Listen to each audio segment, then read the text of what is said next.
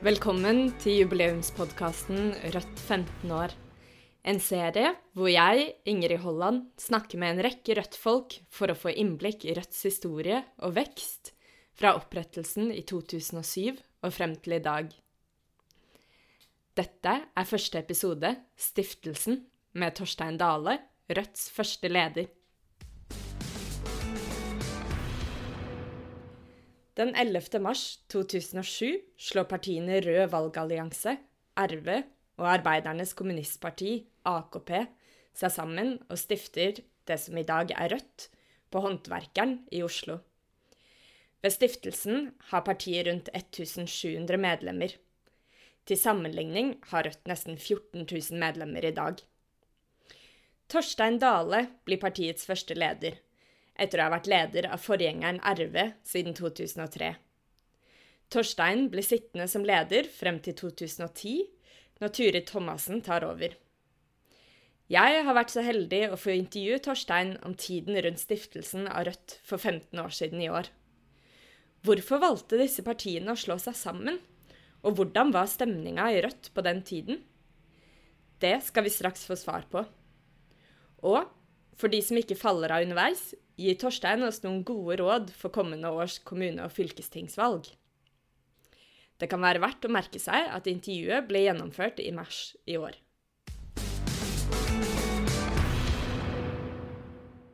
Da har jeg fått med meg Torstein Dale her, som er Rødt sin aller første partileder. Hei, Torstein. Hei, hei. Du, jeg tenkte at vi kunne snakke litt om eh, Rødt sin stiftelse og start. Ja. Um, men for å kunne gjøre det, så må vi kanskje snakke litt om hva som skjedde før Rødt ble stifta også. Så kan ikke du fortelle litt om bakgrunnen for at Rødt ble til? Altså det, uh, utgangspunktet var jo at vi på det tidspunktet hadde eh, Rød valgallianse, som var en parlamentarisk orientert Det var et helt vanlig parti, egentlig. registrert som det også. og så hadde vi AKP, som var en viss forstand moderparti. altså det Opprinnelig, i 1973, da AKP ble stiftet, så prøvde AKP å gå til valg som AKP, og fikk ikke det navnet godkjent. Og Da ble Rød valgallianse opprettet, og da ble det også eh, mobilisert en del uavhengige sosialister som også hadde lyst til å være med på, på det. Eh, så da kom Rød valgallianse, men da helt klart som et underbruk av AKP. Så ble det tatt skritt på slutten av 80-tallet til å frigjøre Rød valgallianse fra AKP. Og i 1991 så opphørte alle spesielle rettigheter som AKP hadde i Rød valgallianse. Men det er klart det var en hel del folk som var dobbeltmedlemmer. Og eh, framover f.eks. da ved stiftelsen i 2007 så var det eh, en eh, god del av eh, våre mest eh, framtredende og erfarne eh, kommunestyrerepresentanter og fylkestingsrepresentanter som var med i AKP. Men eh, eh, hele denne konstruksjonen med to eh, partier, liksom, var veldig uheldig. Eh, og uh, det førte til at uh, i Rød valgallianse så var det liksom, så var noen temaer som vi i liten grad diskuterte, for det ble liksom diskutert i AKP. og vice versa så var liksom AKP sin parlamentarisk rettede innsats, den skulle da liksom ikke skje der, men skje i Rød valgallianse. spesielt ille var det for ungdom. Mm. Som da var ungdomsorganisasjonen til både AKP og Rød valgallianse, og som hadde i sine vedtekter at de hadde to moderpartier. Og det var jo helt krise. altså det var fordi at Noen likte Rød valgallianse best, og noen likte AKP best. Og det var en kilde til masse splid og krangling. Og jeg vil vel si at Rød Ungdom på den tiden der var rene skolen i partikamper, for å si det sånn. da. Mm. Eh, det var et opplegg for krangling. Eh, det var veldig uheldig. Eh, og også e-, egentlig et helt åpenbart spill av krefter. Så det var egentlig Det var vel egentlig fra Rød Ungdom-folk at det aller første sparket for å få til en samling her ble gjort 2005, tror jeg. Og så kom også eh, vedtak på et, eh, valg, på et landsmøte i Rød valgallianse. Og AKP hadde vedtak i sine organer. Så kort sagt, da ble det satt i gang en prosess. Og det var en ganske, ikke bare ganske, men en veldig grundig prosess med mm. en Det ble et sånn sam, samarbeidsorgan som liksom skulle utforme grunnlaget for dette nye partiet. Og det var jo egentlig et nytt parti på mange måter. Men samtidig, rent formelt, så var det ikke det. Fordi at Rød valgallianse var jo da et registrert parti. Og hvis man da skulle registrere et nytt parti, så uh, er det en ganske omstendelig og svær prosess. sånn at det ble da formelt sett gjort som en ren navneendring i Rød valgallianse. Mm. Men i hvert fall uh, så ble det etter hvert veldig bred oppslutning, tror jeg vil si, om denne tanken å forene dette under én hatt, nemlig partiet Rødt jeg vil vel også si at uh, i sånne prosesser så er det veldig viktig at de som uh, at, den, at, den, drives av folk som liker hverandre. Altså som, som har tillit til hverandre. Mm. og da var det sånn at jeg hadde et veldig godt forhold til Eh, først Jorunn Gulbrandsen, som var vel kanskje den sentrale drivkraften. Hun var leder av eh, AKP og var, var vel den sentrale drivkraften der i, i prosessen. Eh, så ble Ingrid Balsersen leder i dette stiftelsesåret for Rødt. Eller hun var leder helt på tampen der. Men i hvert fall så var det mm. en god personkjemi oss imellom. sånn at, Og det vil jeg si Og her må det sies at du var leder av RB? Ja, det, burde jeg jo selvfølgelig ja. ha sagt. Det er jo helt opplagt. Ja. Det tok jeg liksom for gitt, men det er det jo selvfølgelig ikke. Ja. Eh, så, så, derfor så var eh, omstendighetene sånn sett ganske gunstige. Altså Behovet var åpenbart, og vi hadde folk som syntes at dette var en god idé og jeg ville påta seg å drive det fram. Eh, så dermed så hadde vi jo håp om å få, en, få flere med. For det er klart at ved at Eh, AKP og Rød Allianse slo seg sammen eh, i et nytt parti, så siden det var veldig mange dobbeltmedlemmer og sånt, så ville det ikke bli noe større parti ut av det. Mm. Eh, vi fikk noen flere med, men det var nok kanskje en liten skuffelse i selve prosessen. At den Altså, vi hadde internasjonale sosialister som ble med, og men, men det var først og fremst på mange måter en slags fusjon, en slags sammenslåing av eh, mm. Rød Valgallianse og AKP. Eh, så det var, eh, og Dermed så var vi i gang. Optimismen var jo stor. Og mm. dette skjedde i den 11. mars 1997. 2007. Ja, 2007, ja, selvfølgelig. og, og, det var veldig stor entusiasme for, for det.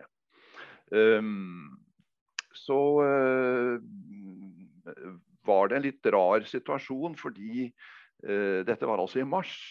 Mm. Da var jo uh, listene, valglistene, de var jo da levert inn.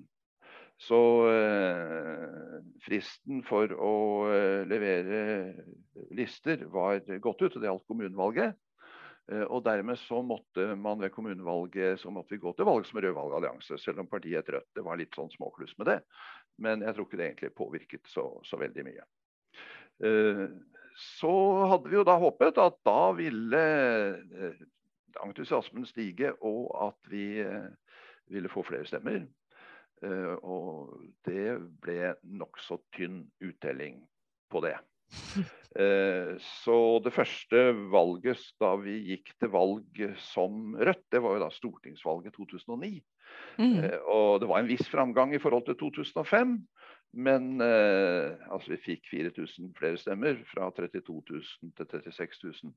Men det var jo sånn at vi fortsatt var på i snitt for stortingsvalget var vi på 1,3 Mm. Og, og, der hadde vi jo stort sett ligget. Vi hadde en, et unntak i 1993 97. Da hadde vi Erling Folkvord som stortingsrepresentant for Valgallianse. Men fikk ikke noe egentlig særlig uttelling på det ved Eh, stortingsvalget 1997. Så da røyk vi ut igjen. Det var for så vidt et godt stortingsvalg for oss.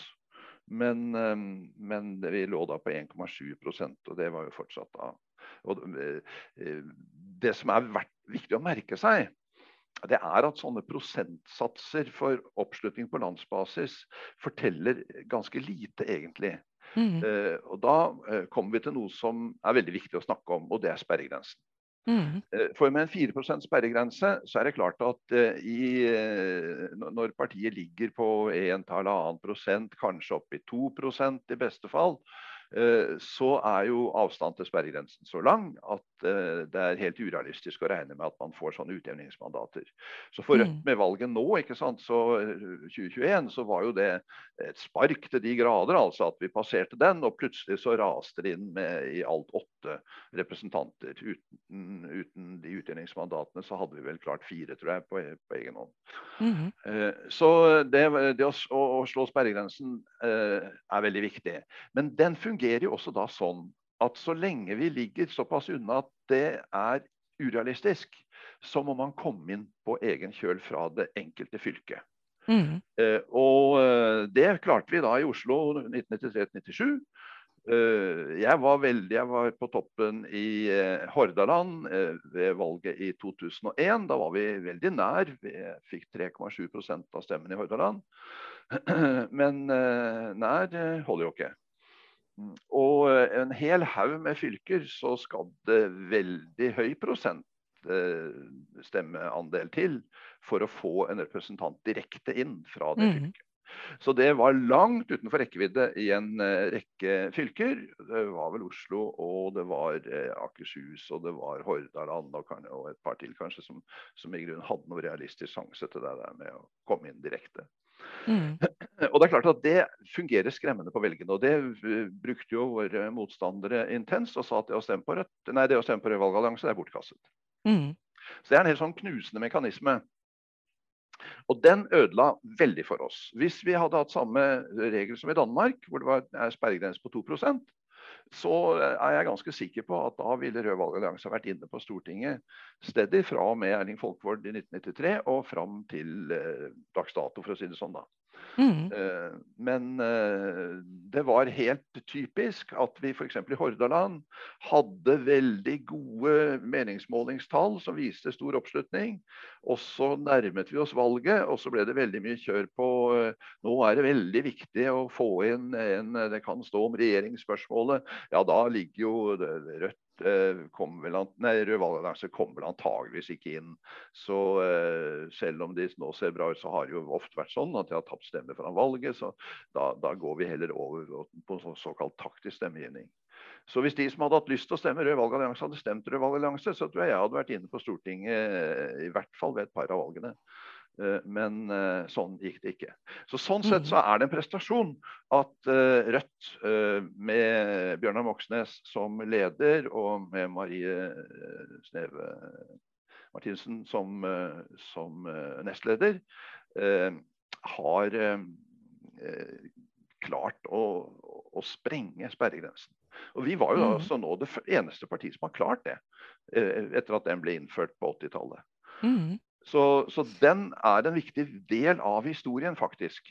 Eh, fordi det er eh, Ofte gis et bilde, som jeg så senest Bjørgulf Braanen presenterte 11.3, av at eh, Rød valgallianse sånn eh, før eh, 2007 da var en litt trist historie. Det var liksom nokså sjanseløs og litt sekterisk. Og, og, ikke noe eh, fot i arbeiderklassen og litt triste greier.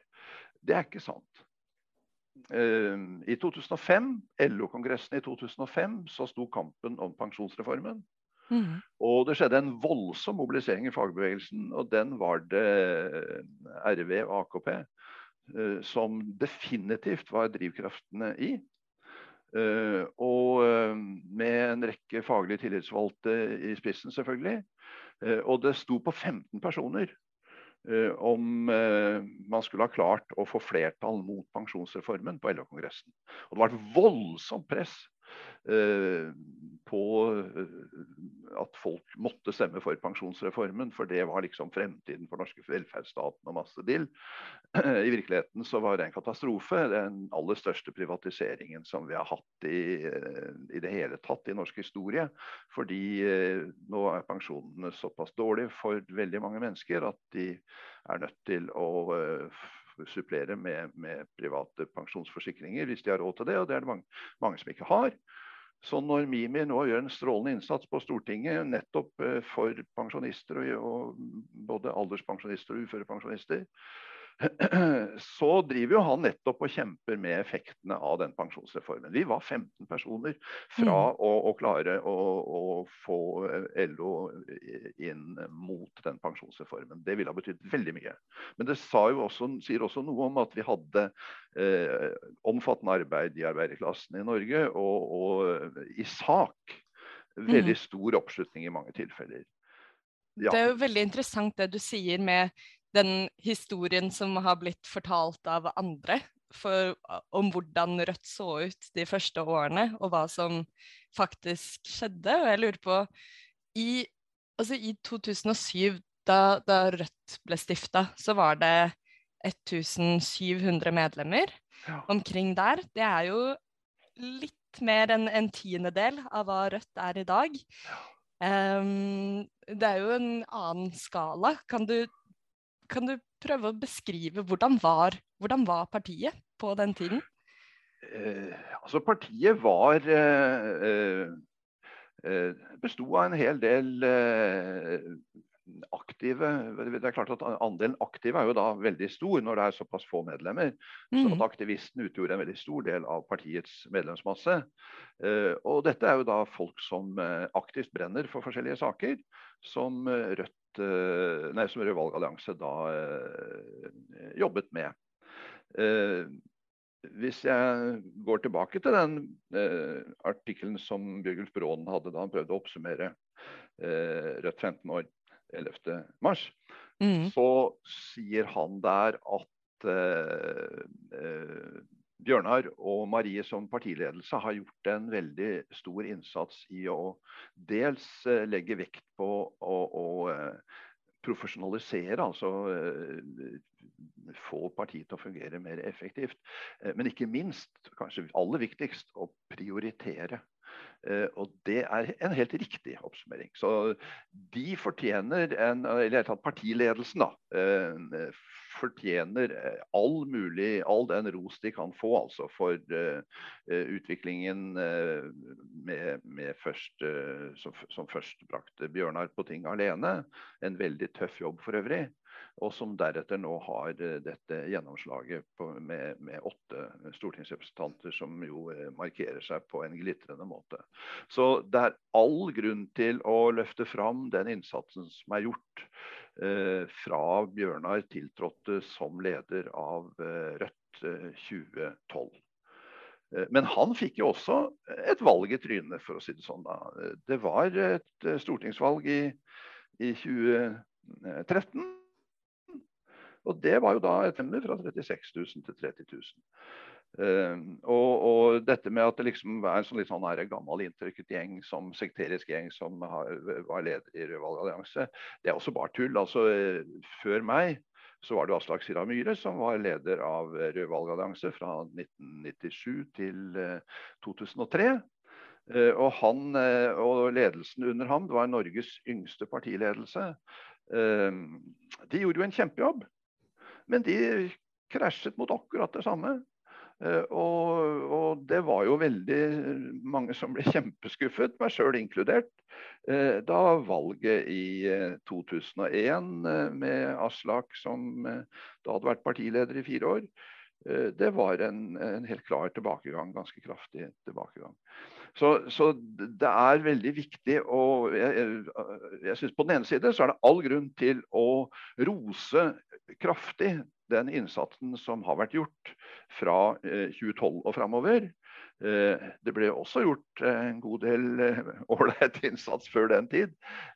Med dels meg som leder og dels Tyri Thomassen som leder. Men det er ingen grunn til å male bildet veldig svart når det gjelder fortiden. Og mm. nettopp siden det var aktivister som at vi betydde veldig mye på en, en god del saker. altså Pensjonsreformen er en sånn sak. Krigen i Afghanistan er en annen sånn sak. Vi var eh, helt alene mm. om å være mot den krigen. Mot norsk deltakelse i den krigen. Og det er klart at det opplevde vi som en veldig viktig rolle å ha. Eh, vi var veldig klart mot norsk Nato-medlemskap. Eh, SV på den tiden eh, snakket vel om Nato som en søyle under norsk forsvarsstrategi. Så det, og Saken er jo at Afghanistan-krigen og i det hele tatt Norges internasjonale deltakelse i USAs kriger, delt i Nato-regi, um, utarmet det norske forsvaret. Har svekket Norges forsvarsevne kraftig.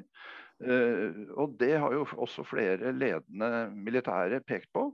Og i dag har vi en ganske dårlig situasjon der, faktisk. Som i stor grad skriver seg fra at det ble satset på norsk krigføring i andre land. Så, mm. så, vi sto for uh, saker som vi syntes var veldig viktige, og det er i grunnen nettopp de sakene som også er veldig viktige for uh, Rødt i dag. Mm. Ja, jeg tenker også at det er veldig viktig å se tilbake på historien. Jeg meldte meg selv inn i Rødt bare for tre år siden, og eh, kjenner partiet sånn som det ser ut i dag.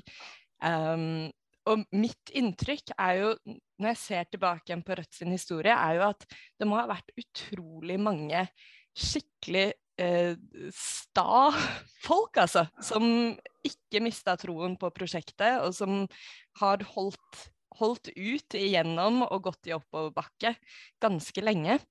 Og vi har jo på en måte litt det bildet av sånn Rødt har gått fra å være partiet som eh, overnatta i gymsaler, til nå å kunne ha ordentlig landsmøte på konferansehotell.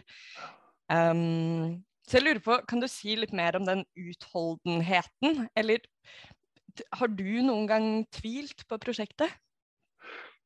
Nei, jeg har vel egentlig ikke det. Uh, og uh, ikke sant uh, Vi har en analyse av samfunnet mm. som peker på at Eh, kapitalismen med den veksttvangen som eh, ligger i kapitalismen, eh, den fører menneskeheten utfor stupet, rett og slett.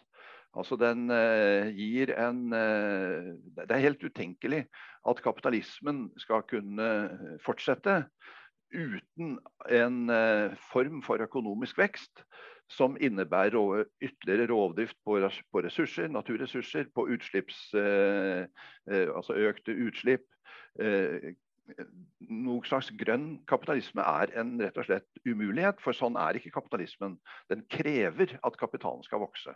Det er hele grunnlaget for den.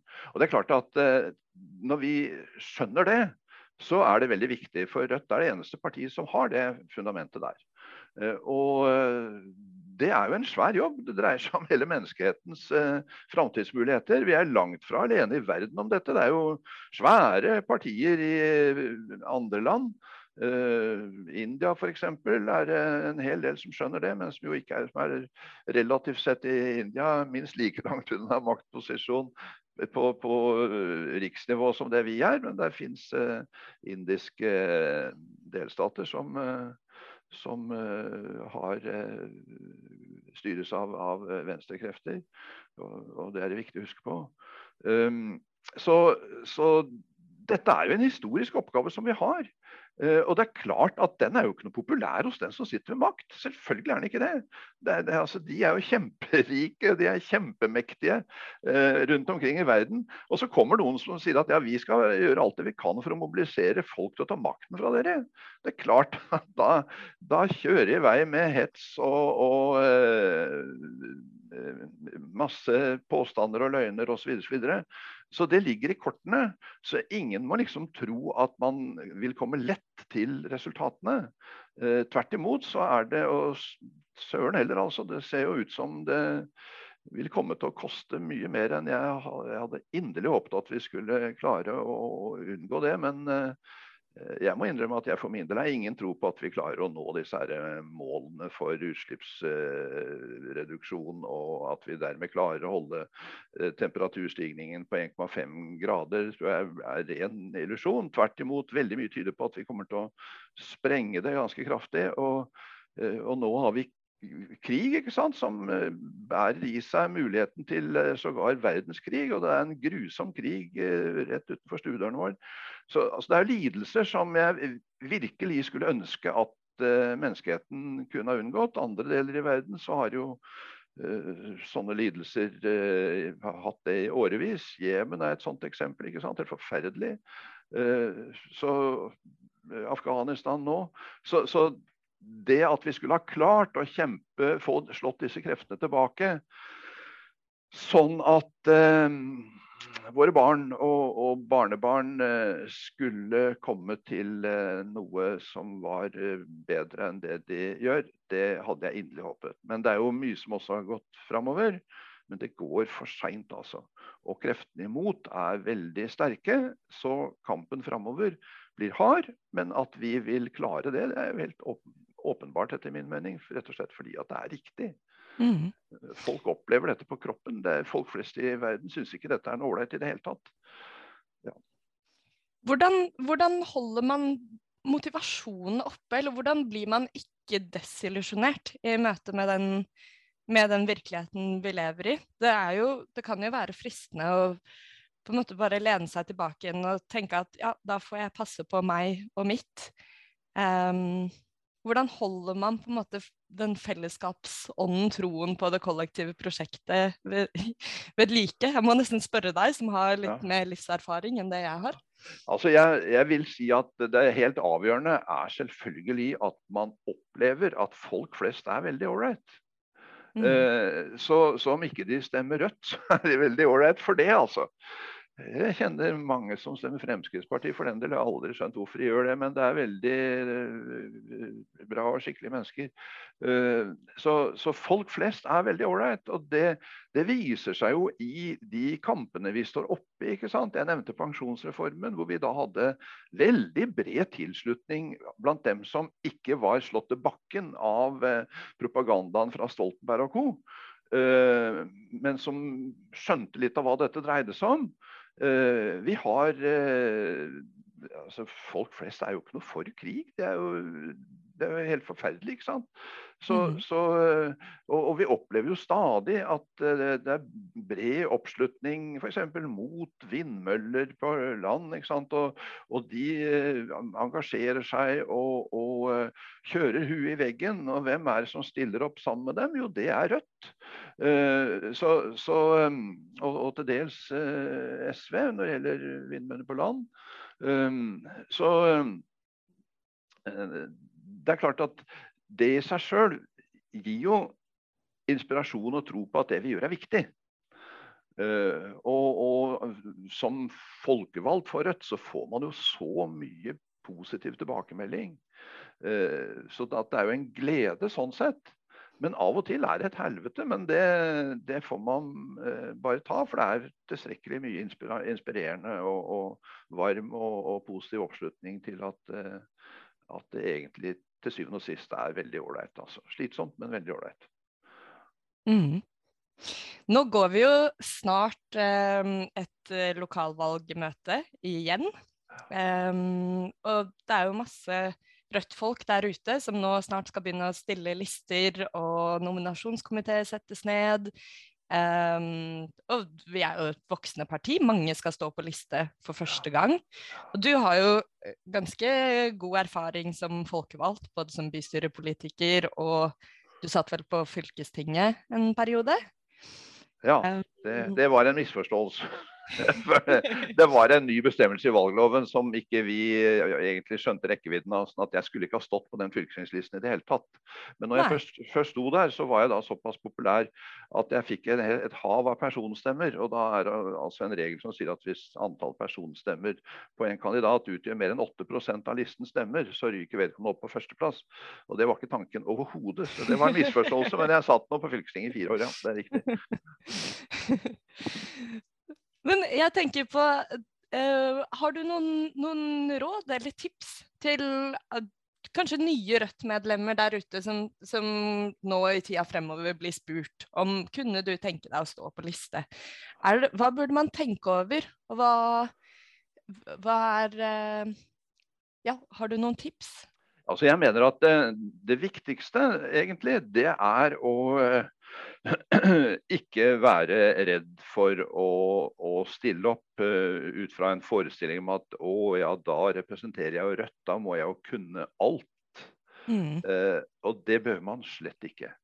Og det er helt uh, Altså alle som er med i Rødt, har jo en grunn til at de er med i Rødt. Eh, og den grunnen holder i massevis. I omtrent alle tenkelige tilfeller.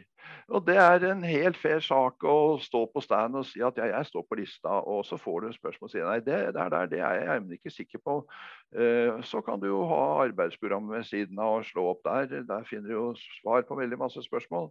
Eller det er noen andre på stand som kan eh, svare. Du kan si at ja, det der, det er jeg nemlig ikke sikker på, så det kan ikke jeg få telefonnummer eller eller e-postadressen din, så kan jeg finne det ut, og så kan jeg sende deg et svar.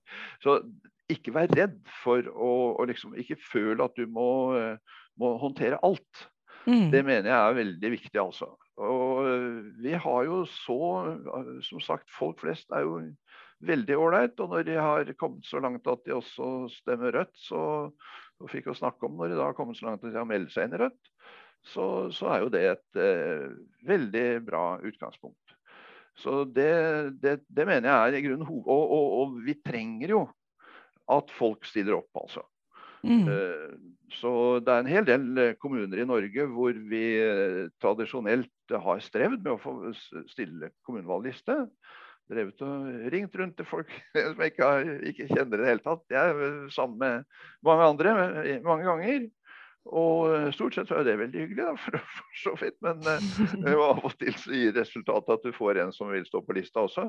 Men uh, vi, det er viktig at vi stiller liste i for så vidt alle kommuner og i alle fylker. Og at vi da, uh, da trenger vi at medlemmene stiller opp. Så det og, og, selvfølgelig så er jo da utfordringen med å drive valgkamp for hverandre veldig viktig.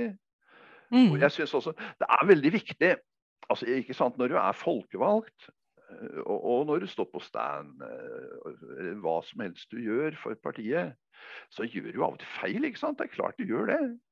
Eh, mm. Uh, og hvis vi skal drive og se å, det der var feil det, der, det, det var helt håpløst. Det er klart at det, Vi må jo innrømme hverandre en tabbekvote. Uh, og det er det stort sett tradisjon for å være ganske raus for i, i Rødt også. Så ehm, eh, ja, vi står sammen om krevende oppgaver, og det gjør vi av og til kjempebra, av og til ikke så bra. Så eh, til syvende og sist så driver vi hverandre framover, og det er det som er poenget. Mm, absolutt. Jeg må spørre deg helt uh, til slutt, da, Torstein. Hva har du, og nå kan vi kanskje se tilbake igjen på tiden din som partileder. Har du noe sånn et beste minne som stikker seg ut fra den tiden? Ja, altså eh, eh, Som partileder har jeg trøbbel med å liksom single ut en, en, bestemt sak. Det vil jeg nok si. For jeg har egentlig mange, mange positive ting jeg opplevde som partileder. Som eh, eh Rødt og RV før det politiker, så har jeg jo noen opplevelser som jeg i, særlig grad uh, setter veldig stor pris på. Altså. Og for meg uh, betyr det mye at jeg, de er knyttet det, De aller beste tingene er jo egentlig knyttet til eh, mine erfaringer som folkevalgt eh, og i Bergen bystyre. Mm.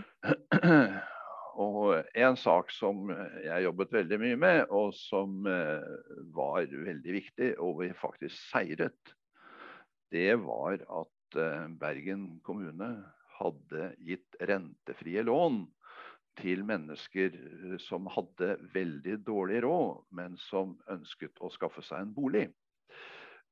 Og da kjøpte de bolig, da. ikke sant? Sånne borettslagsboliger og sånt. Noe, med rentefrie lån fra kommunen. Og det var eh, eh, i veldig stor grad eh, enslige, damer, altså enslige forsørgere, damer som var enslige forsørgere. Mm. Så fant Bergen kommune plutselig ut at de skulle regne renter på disse lånene. Og ikke bare det. De skulle regne renter for hele perioden bakover. Sånn at disse damene fikk da krav på 100 000, 200 000 og, og sånt noe. Eh, og det var jo helt forferdelig. Og da eh, var det et par som tok kontakt med meg og, jeg, og med Rødt eller Rød Valgallianse i Bergen. Og vi bisto dem en del med å organisere seg og uh, ta opp saken både når det gjaldt mobilisering i allmennheten og rettssak. Uh, og den saken vant vi. Og dette var på midten av 90-tallet. Og mm. det var de som vant den, da, selvfølgelig. Det var jo de som førte kampen. Men vi eh, bisto så, så, mye vi kunne og, og førte kampen i, i, bystyret. Det kostet Bergen 60 millioner kroner på den tiden der. Det sier dels noe om at det betydde veldig mye for mange mennesker. Og det sier også noe om at det var helt vanvittige krav overfor eh, stort sett enslige, fattige damer. Det er vel den ene saken som liksom i min tid for at det stikker seg fram som en i særklasse mm. varmende sak, fordi at den var så viktig for folk, og fordi at vi seiret, altså. Mm. Men eh, ikke sant? i dag så gjør jo Rødts stortingsrepresentanter og kommunestyrerepresentantene rundt omkring de jobber jo med sånne ting. For den slags angrep er ikke enestående. Mimir har jo uh, løftet fram flere sånne saker litt av samme typen, kan du si. da. Mm. Uh, hvor folk altså får helt vanvittige krav mot ikke minst Nav uh, er inne i bildet der, får helt vanvittige krav som, som er egnet til å knuse folk. altså. Mm. og feilen ligger da for det første, hvis den, er, hvis den, er, på vedkommende persons side, så er det normalt ingen grunn til å klandre vedkommende veldig mye for den feilen, men feilen er jo veldig ofte på Navs side. Så altså, ikke sant, hele der, Den måten å, å, å, angripe fattigfolk på i Norge, den ser vi så mye av. Mm. Og um, For meg var det en uh, veldig rørende og, og, veldig viktig personlig opplevelse. Mm. Ja, det, det, skjønner jeg veldig godt. Det er jo de sakene som direkte berører folk sine liv, ikke sant? Ja. Ja da, nei, så, det, så det, det, vil jeg si har vært, uh, vært veldig, veldig, viktig. Altså. Men ellers vil jeg også si at uh, arbeid med internasjonal solidaritet uh, gir jo veldig mye fordi at de som man da stiller opp i solidaritet med, det er folk som virkelig har fælt. ikke sant? Det som skjer i Ukraina nå, Eh, det har jo skjedd i Gaza flere ganger. Eh, mm. Det skjer i Jemen eh, i enda større målestokk. Og det skjer rundt omkring i verden sånne ting. Og det å da stille opp for, sånne, for mennesker i en sånn situasjon, det er jo så meningsfylt. Og, og ja, også, både personlig og, og, politisk og på alle måter viktig, altså. Mm. Absolutt. Ok, Torstein, da tror jeg vi runder av for nå. Men tusen takk for at du ville snakke med meg og med, med oss. ja, takk da... til deg. Takk til deg, og, og uh, takk til uh, Rødt, som har gitt meg veldig mye. Og det er jo så inspirerende å stå på nå. Det var intervjuet med Torstein Dale, Rødts første leder. Du har nå hørt første episode av Rødts jubileumspodkast Rødt 15 år. En serie hvor jeg, Ingrid Holland, undersøker Rødts historie og vekst siden stiftelsen i 2007. I neste episode skal vi se nærmere på de første årene som det nye partiet Rødt, hvor vi bl.a. skal få høre fra Ingeborg Steinholt, en av Rødt sine første folkevalgte, og Turid Thomassen, Torstein Dales etterfølger som partileder i Rødt. Følg med i neste episode.